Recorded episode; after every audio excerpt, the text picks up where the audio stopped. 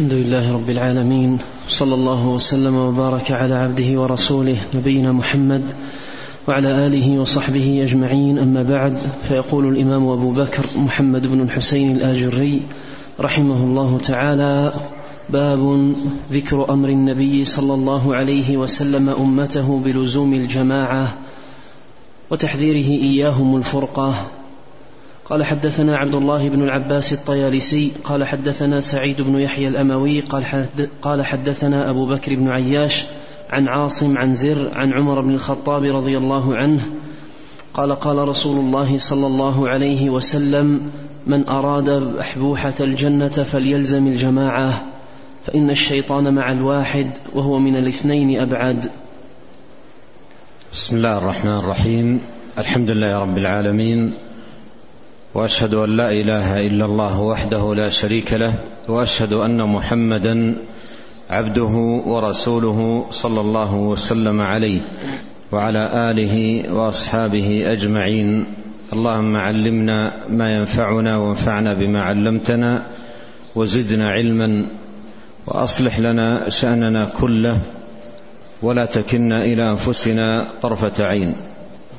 أما بعد فهذا الباب نظير الذي قبله في الحث على لزوم الجماعة والتحذير من الفرقة إلا أن الباب الأول اقتصر فيه على ذكر الأدلة على ذلك من كتاب الله سبحانه وتعالى وهذا الباب ذكر فيه رحمه الله تعالى الأدلة على لزوم الجماعة والتحذير من الفرقة من السنة سنة النبي الكريم صلوات الله وسلامه وبركاته عليه.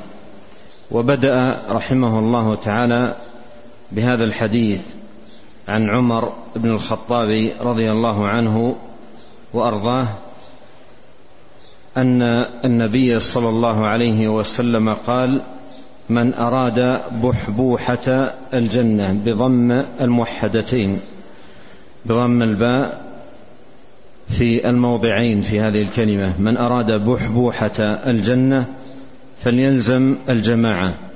والمراد ببحبوحة الجنة أي وسط الجنة. ومن الكلمات آه، في في في هذه اللفظة يقال تبحبح فلان في المجلس وهي لا تزال مستعملة أي توسط فيه و ارتاح فيه تبحبح في المجلس أي توسط في المجلس وأخذ راحته في المجلس. بحبوحة الجنة أي وسط الجنة. أي من أراد أن يدخل الجنة وأن ينعم بنعيمها وأن يهنأ بما فيها من نعيم فليلزم الجماعة. فليلزم الجماعة والمراد بالجماعة أي جماعة المسلمين وإمامهم. لا يفارق جماعة المسلمين ولا ينزع اليد من الطاعة لإمام المسلمين ولا يشق العصا بل يكون لازما لجماعة المسلمين غير خارج عنها ولا نافر منها. ولا محرض عليها. من أراد بحبوحة الجنة فليلزم الجماعة. فليلزم الجماعة. فإن الشيطان مع الواحد وهو من الإثنين أبعد.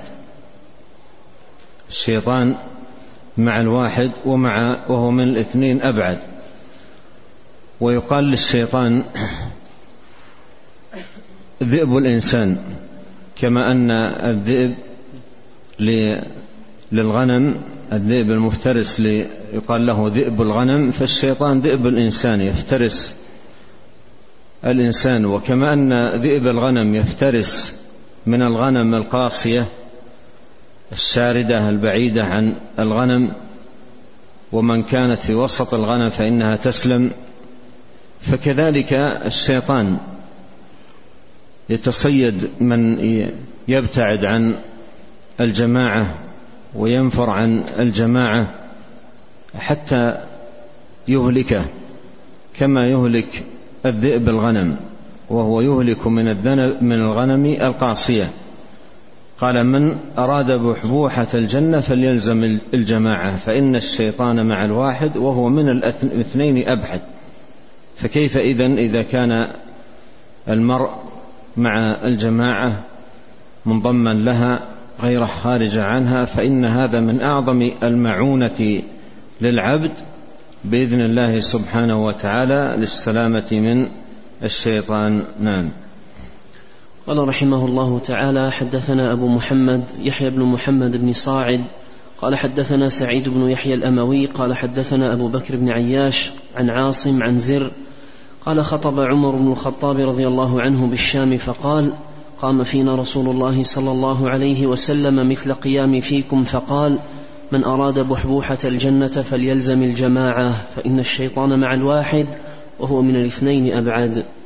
وهذه آه، آه، رواية أخرى للحديث نفسه وإسناد آخر وفيه هذه الزيادة وهي أن عمر رضي الله عنه خطب بذلك بالشام.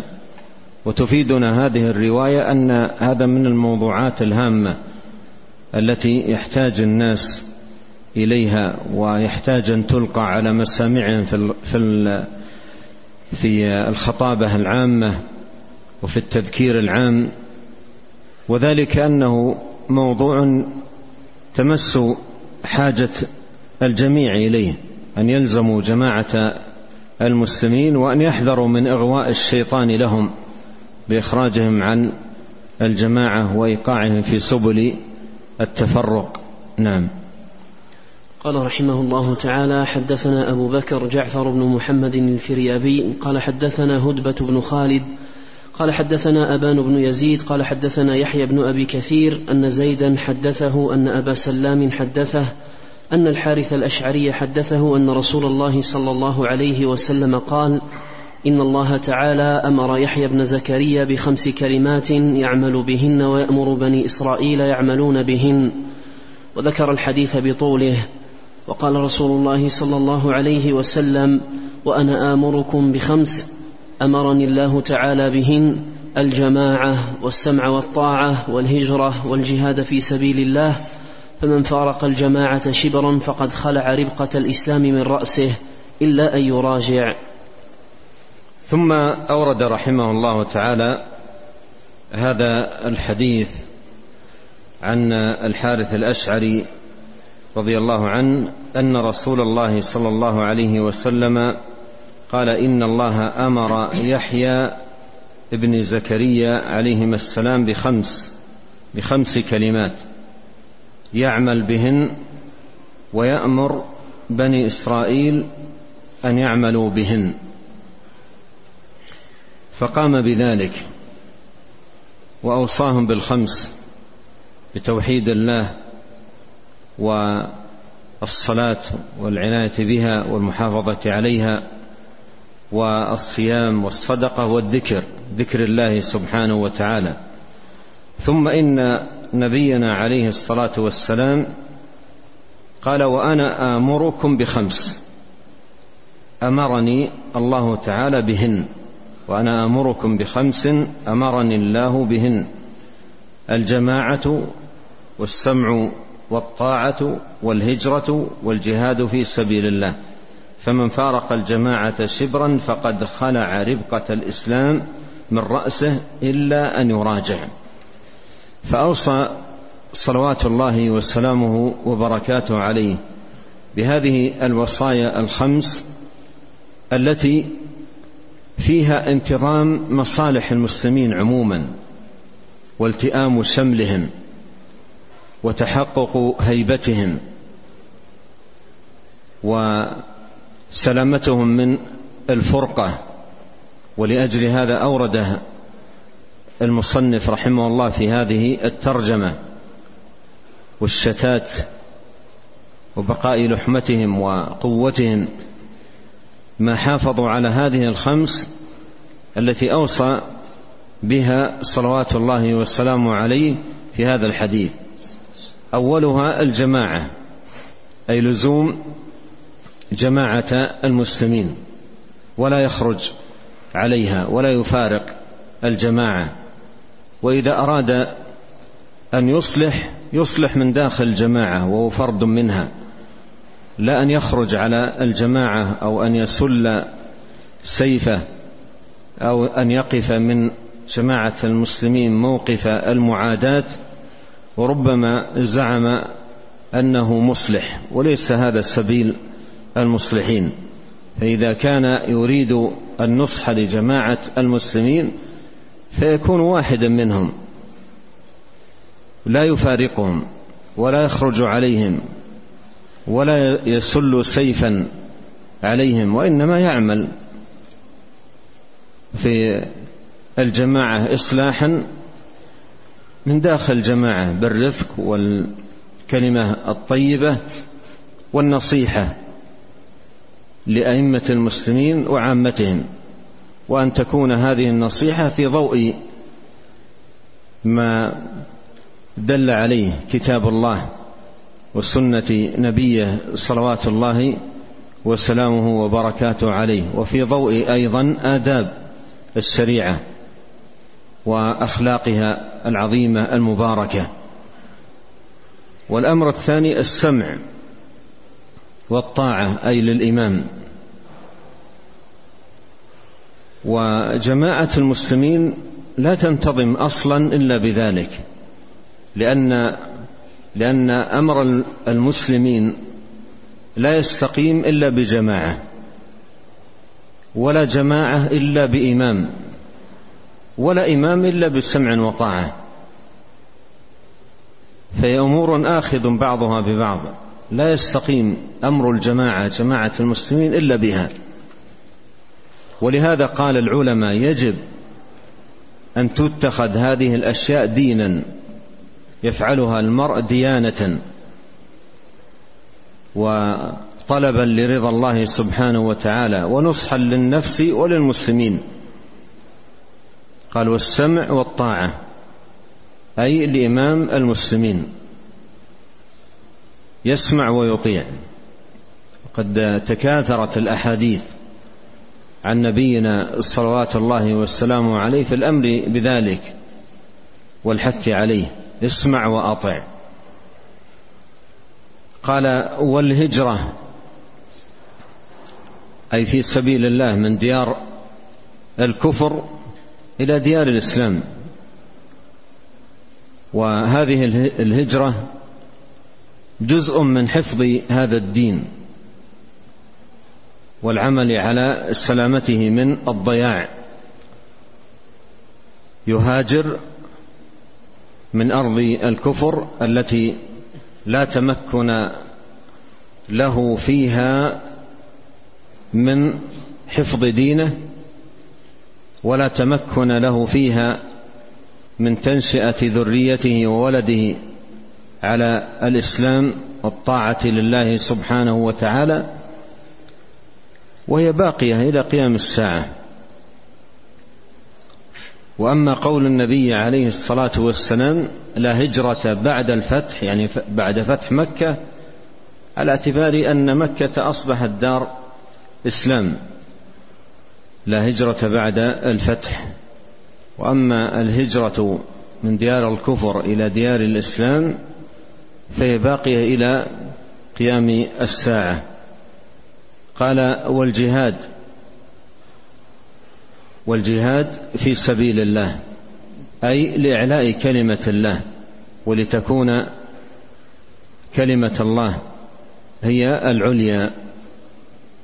والجهاد أيضا له ضوابطه التي دل عليها كتاب الله سبحانه وتعالى ودلت عليها سنة النبي الكريم عليه الصلاة والسلام.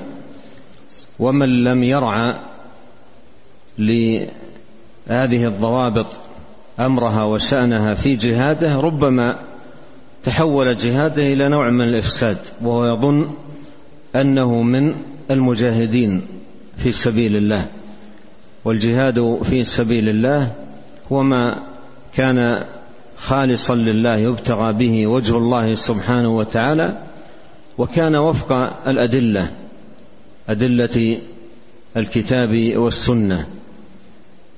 قال فمن فارق الجماعة شبرا فقد خلق فقد خلع ربقة الإسلام من رأسه إلا أن يراجع. وهذا يدل على خطورة هذا الأمر. وعظم جناية المرء على نفسه عندما يفارق الجماعة جماعة المسلمين لأنه إذا فارق الجماعة تخبطه الشيطان وكان أقرب ما يكون إليه لأمثاله إغواء وإضلالا وإهلاكا. فمن فارق الجماعة فقد خلع ربقة الإسلام من رأسه إلا أن يراجع. أي يتوب من صنيعه الآثم ويرجع ملازما لجماعة المسلمين غير مفارق لها. نعم. قال رحمه الله تعالى وحدثنا الفريابي قال حدثنا عبيد الله بن عمر القواريري قال حدثنا حماد بن زيد قال حدثنا أيوب عن غيلان بن جرير عن زياد بن رياح القيسي عن أبي هريرة رضي الله عنه قال قال رسول الله صلى الله عليه وسلم من خرج من الطاعة وفارق الجماعة ومات فميتته جاهلية. ثم أورد رحمه الله تعالى هذا الحديث عن أبي هريرة رضي الله عنه أن النبي صلى الله عليه وسلم قال من خرج من الطاعة وفارق الجماعة ومات فميتته جاهلية. فمات فميتته جاهلية. أي أن المرء يجب أن يحذر من ذلك أشد الحذر. يجب أن يحذر من ذلك أشد الحذر. فلو فارق آه، خرج من الجماعة وفارق الطاعة ومات على هذه الحال ومات على هذه الحال وربما تكون منه هذه الحال لبضع أيام أو يوم واحد أو يومين ويموت. والإنسان لا يدري ماذا يكسب غدا ولا يدري بأي أرض يموت. فقد يفارق الجماعة ثم يموت بعدها بيوم أو يومين مفارقا للجماعة. فتكون الموتة التي مات عليها موتة جاهلية. لماذا؟ لأن هذا هو عمل الجاهلية. أن هذا هو عمل الجاهلية. ولهذا الإمام المجدد شيخ الإسلام محمد بن الوهاب رحمه الله لما كتاب لما ألف كتابه مسائل الجاهلية أي أعمال الجاهلية التي جاء الإسلام بنقضها ومخالفتها بدأ بثلاث مسائل وهي الشرك ومفارقة الجماعة وعدم السمع والطاعة. هذه من مسائل الجاهلية ومن أعمال أهل الجاهلية التي جاء الإسلام بمفارقتها. وأهل الجاهلية كل على رأسه ويستكبر ويستنكف الواحد منهم أن يسمع ويطيع وأمورهم فوضى. كل على رأسه وكل أمير لنفسه وأمورهم فوضى في قتال وفي انتهاك للأعراض واستلاب للأموال. والشريعة التي تحكم فيهم هي شريعة السباع شريعة الغاب. أمورهم كلها فوضى. فمن مات على المفارقة للجماعة وعدم السمع والطاعة مات ميتة جاهلية. نعم. قال رحمه الله تعالى وحدثنا أبو بكر عبد الله بن أبي داود السجستاني قال حدثنا محمد بن بشار ومحمد بن المثنى أن محمد بن جعفر حدثهم عن شعبة عن غيلان بن جرير عن زياد بن رياح عن أبي هريرة رضي الله عنه قال قال رسول الله صلى الله عليه وسلم من فارق الجماعة وخالف الطاعة مات ميتة جاهلية ومن اعترض أمتي برها وفاجرها ولا يحتشم من مؤمنها ولا يفي لذي عهدها فليس من أمتي. ومن قتل تحت راية عمية يعصب للعصبية ويقاتل للعصبية ويدعو, للعص ويدعو للعصبة له أو قال لعصبية مات ميتة جاهلية. لفظ حديث أبي موسى. ثم أورد رحمه الله تعالى هذا الحديث حديث أبي هريرة رضي الله عنه وهو مخرج في صحيح مسلم. هو حديث عظيم جامع في بابه وبابه تحقق مصلحة المسلمين وانتظام أمرهم والتئام شملهم وسلامتهم من التشرذم والتفرق والتعادي والتطاحن والتقاتل. فهو حديث عظيم في بابه باب انتظام مصالح المسلمين. وذكر فيه صلوات الله وسلامه عليه أمورا ثلاثة. لا يمكن أن تنتظم مصالح المسلمين إلا بها. علما وعملا. الأمر الأول دل عليه قول النبي صلى الله عليه وسلم من فارق الجماعة وخالف الطاعة مات ميتة جاهلية ففيه أن من أعظم ما تنتظم به المصالح مصالح المسلمين أن يلزم المرء جماعة المسلمين وإمامهم وأن يسمع ويطيع. إلا أن يؤمر بمعصية لله فلا يطيع فيما أمر به فقط من معصية لله عز وجل. إذ لا طاعة لمخلوق في معصية الخالق سبحانه وتعالى. فهذا اللزوم لجماعة المسلمين والسمع والطاعة لإمام المسلمين أمر لا تنتظم مصالح المسلمين أصلا إلا به.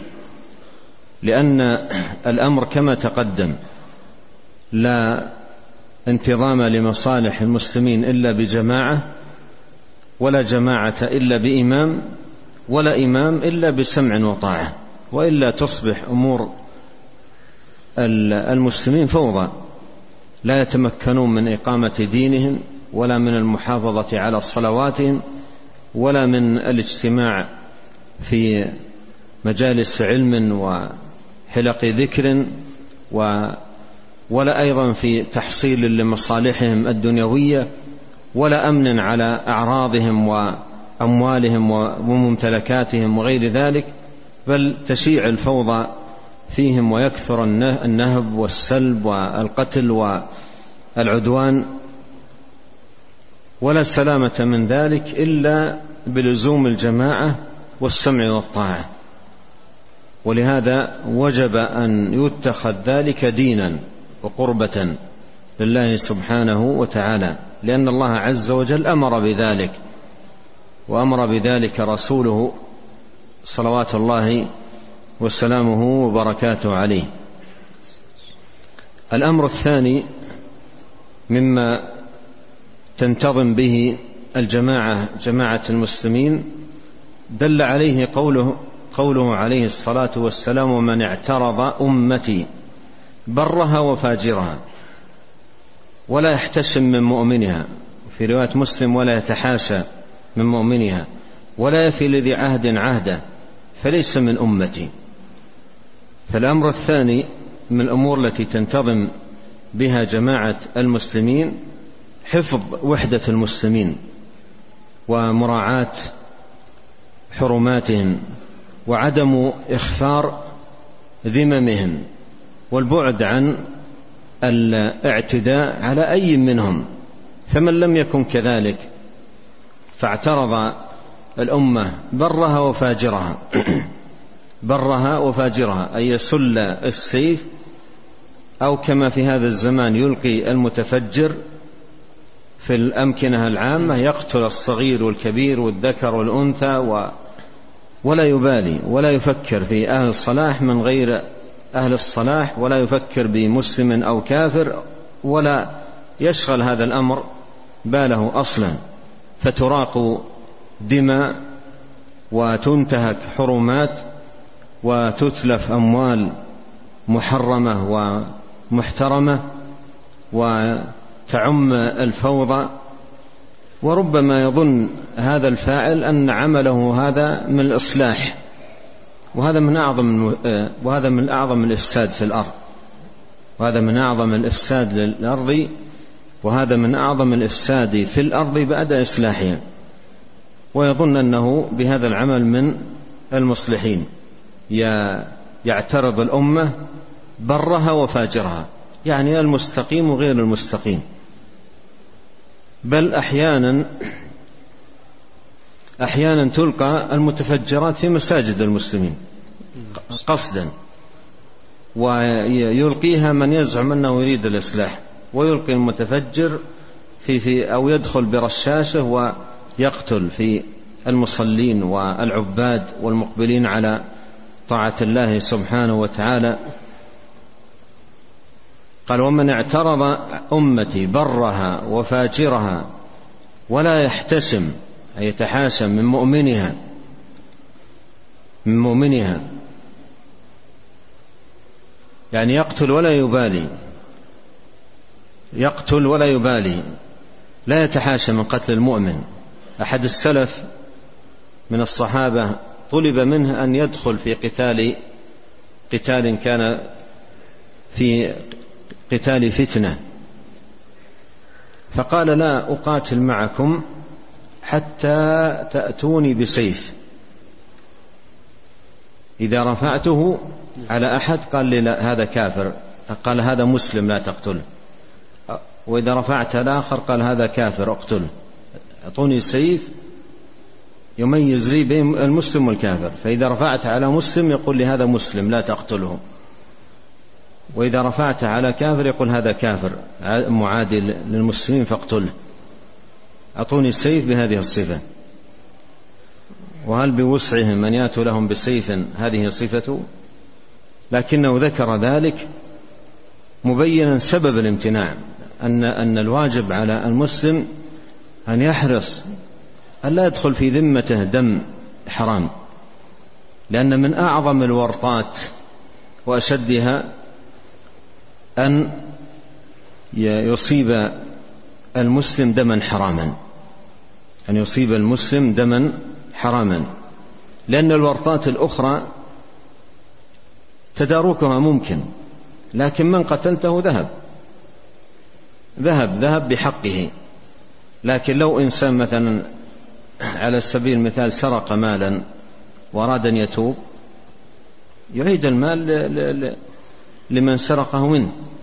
وهكذا قل في لكن بالنسبة للقتل إذا أراق دما هذه من أعظم الورطات من أعظم الورطات وهذا المقتول يأتي يوم القيامة ورأسه يتعب دما يطالب بحقه فالورطة ليست هينة فكيف بمن يلقي متفجرا ويقتل الثلاثين والأربعين والخمسين؟ كيف يكون كيف تكون مصيبته يوم القيامة إذا قام هؤلاء؟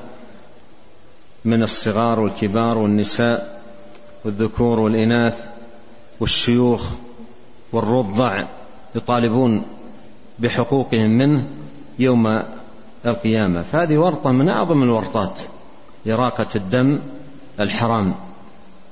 قال ولا يحتشم من مؤمنها ولا يفي لذي عهد ولا يفي لذي عهدها. وهذا يدخل فيه قتل المعاهدين. ومن قتل معاهدا لم يرح رائحة الجنة. لا يفي لذي عهد لا يبالي بعهود المسلمين ولا مواثيقهم. فهو لا يتحاشى من قتل المسلم وأيضا لا يتحاشى من قتل المعاهدين. ولا يبالي بذلك. فمن الأمور التي لا انتظام لمصالح المسلمين إلا بها أن يعمل على حفظ وحدة المسلمين ومراعاة حرمات المسلمين والحذر من آه، الاعتداء عليهم ومعرفة حرمة دمائهم وأموالهم وأعراضهم والحذر من إخفار ذممهم. والأمر الثالث من الأمور التي تتحقق بها أو يتحقق بها انتظام مصلحة المسلمين في هذا الحديث قال ومن قتل تحت راية عمية.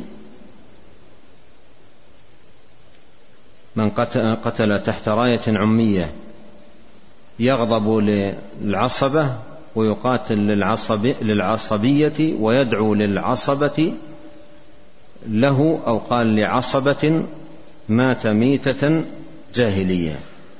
وهنا هنا يذكر آه، النبي عليه الصلاة والسلام أمرا ثالث. لا تنتظم مصالح المسلمين إلا به وتحقيق الأخوة الإيمانية والرابطة الدينية بما تعنيه هذه أو بما تدل عليه هذه الكلمة من معنى وقوة رابطة. وأن يكون التآخي بين المسلمين في الله. والتعاون في الله وفي طاعة الله. وفي الحديث أوثق عرى الإيمان الحب في الله والبغض في الله. ويقول عليه الصلاة والسلام من أحب لله وأبغض لله وأعطى لله ومنع لله فقد استكمل الإيمان. فيعمل المسلم على تحقيق هذه الأخوة وتقوية هذه الرابطة العظيمة. كما قال الله سبحانه وتعالى إنما المؤمنون إخوة. وهذه الرابطة الدينية هي أقوى الروابط على الإطلاق. وأعظم الصلات وهي أخوة باقية لأهلها في الدنيا والآخرة. الأخلاء يومئذ بعضهم لبعض عدو إلا المتقين. فمن ترك هذا التآخي في الله من ترك هذا التآخي في الله وأعرض عنه وأصبح يعمل تحت ماذا؟ العصبيات.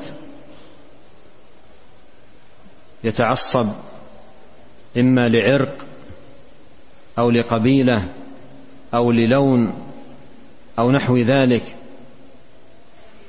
ويكون ولاؤه وبراؤه وحبه وبغضه في هذا الأمر. لا في الأخوة الدينية ولا في الرابطة الإيمانية. فهذا من أعظم ما يترتب عليه عدم انتظام مصالح المسلمين ومما يترتب عليه حصول التفرق والشقاق والتعادي. وكيف يكون أمر المسلمين منتظما وكل متعصب لشيء؟ هذا متعصب لحزب وهذا متعصب للون وهذا متعصب لعرق. وكل ينتصر لما هو متعصب له. والدين آخر ما يفكرون أن ينضموا تحت رايته وينضموا إلى آه، الأخوة التي آه، آه، يحققها لهم هذا الدين.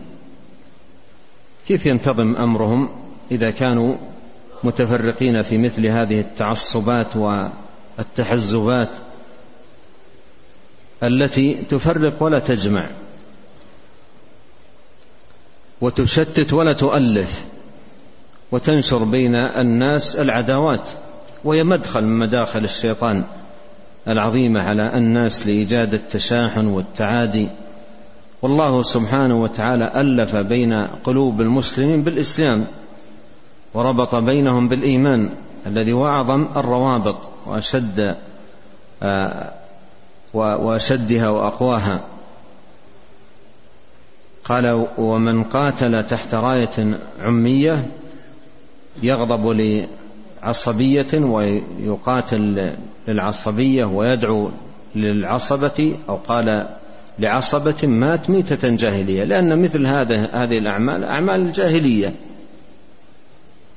ليس بينهم رابطة دينية وإنما يتعصب لعرق أو لون أو نحو ذلك. ليس بينهم رابطة دينية. أما أمة الإسلام فإن الله سبحانه وتعالى جمعهم وربط بينهم بهذا الدين وألف بينهم بهذا الدين العظيم فأصبحوا متآخين في الله. إنما المؤمنون إخوة وفي الحديث وكونوا عباد الله إخوانا. فمن الأمور العظيمة التي لا تحقق لمصالح المسلمين إلا بها ولا انتظام لها إلا بها أن يعمل المرء على تحقيق هذه الأخوة وأن يكون تأخيه في الله ولله وابتغاء وجه الله سبحانه وتعالى. نعم. قال رحمه الله تعالى حدثنا أبو محمد بن صاعد قال حدثنا محمد بن سليمان الوين قال حدثنا حماد بن زيد عن أيوب عن غيلان بن جرير عن زياد بن رياح عن أبي هريرة رضي الله عنه قال قال رسول الله صلى الله عليه وسلم من خرج من الطاعة وفارق الجماعة مات ميتة جاهلية. نعم هذا طريق أخرى للحديث المتقدم حديث أبي هريرة رضي الله عنه وأرضاه. ونسأل الله الكريم أن ينفعنا أجمعين بما علمنا وأن يزيدنا علما وأن يصلح لنا شأننا كله وألا يكلنا إلى أنفسنا طرفة عين وأن يهدينا إليه صراطا مستقيما. اللهم آت نفوسنا تقواها وزكها. أنت خير من زكاها أنت وليها ومولاها. اللهم إنا نسألك الهدى والتقى والعفة والغنى. اللهم اغفر لنا ولوالدينا ولمشايخنا ولولاة أمرنا وللمسلمين والمسلمات والمؤمنين والمؤمنات الأحياء منهم والأموات. اللهم اقسم لنا من خشيتك ما يحول بيننا وبين معاصيك ومن طاعتك ما تبلغنا به جنتك ومن اليقين ما تهون علينا ما تهون به علينا مصائب الدنيا. اللهم متعنا بأسماعنا وأبصارنا وقوتنا ما أحييتنا. واجعله الوارث منا واجعل ثأرنا على من ظلمنا وانصرنا على من عادانا ولا تجعل مصيبتنا في ديننا ولا تجعل الدنيا أكبر همنا ولا مبلغ علمنا ولا تسلط علينا من لا يرحمنا. سبحانك اللهم وبحمدك أشهد أن لا إله إلا أنت أستغفرك وأتوب إليك. اللهم صل وسلم على عبدك ورسولك نبينا محمد. وآله وصحبه. جزاكم الله خيرا.